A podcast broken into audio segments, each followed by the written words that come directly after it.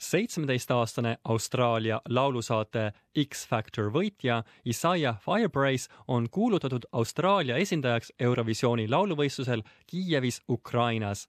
tänavune aasta on juba kolmas kord, kui Austraalia on kutsutud konkureerima rahvusvahelisel muusikafestivalil lauluvõistlusel osalemise näol on täitunud ka New South Walesi osariigist pisikesest Moama linnast pärit noormehe unistus I can tell by your eyes you want more than this.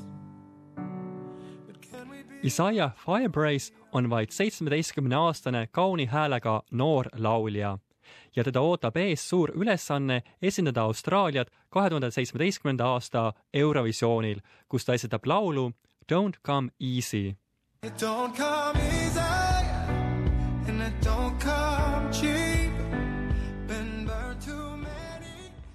laulu eest vastutab sama meeskond, kes kirjutas eelmisel aastal Austraaliat esindanud Dami Immi laulu Sound of Silence, mis Rootsis toimunud võistlusel võitis teise koha.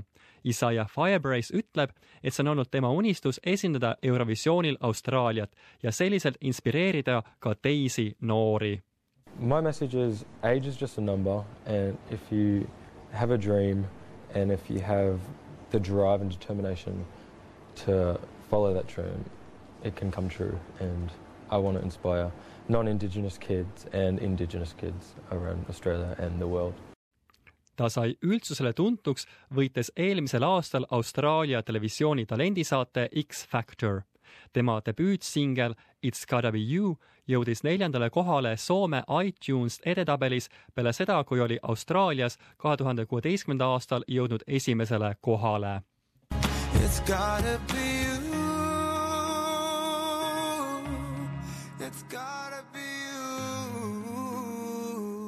Austraalia võistleb Eurovisioonil juba kolmandat korda.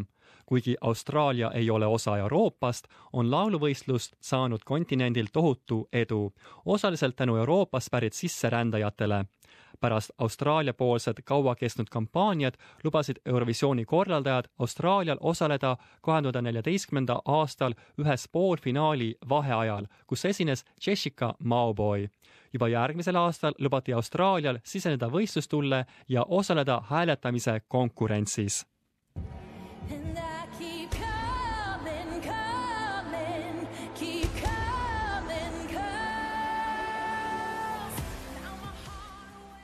Selliselt külas Jam'i Immi eelmise aasta finaalis Stockholmis.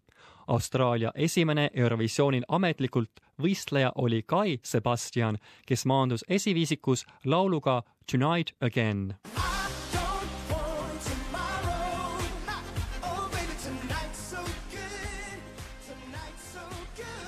Tänavust Eurovisiooni lauluvõistlust on saanud juba mõned korralduslikud probleemid.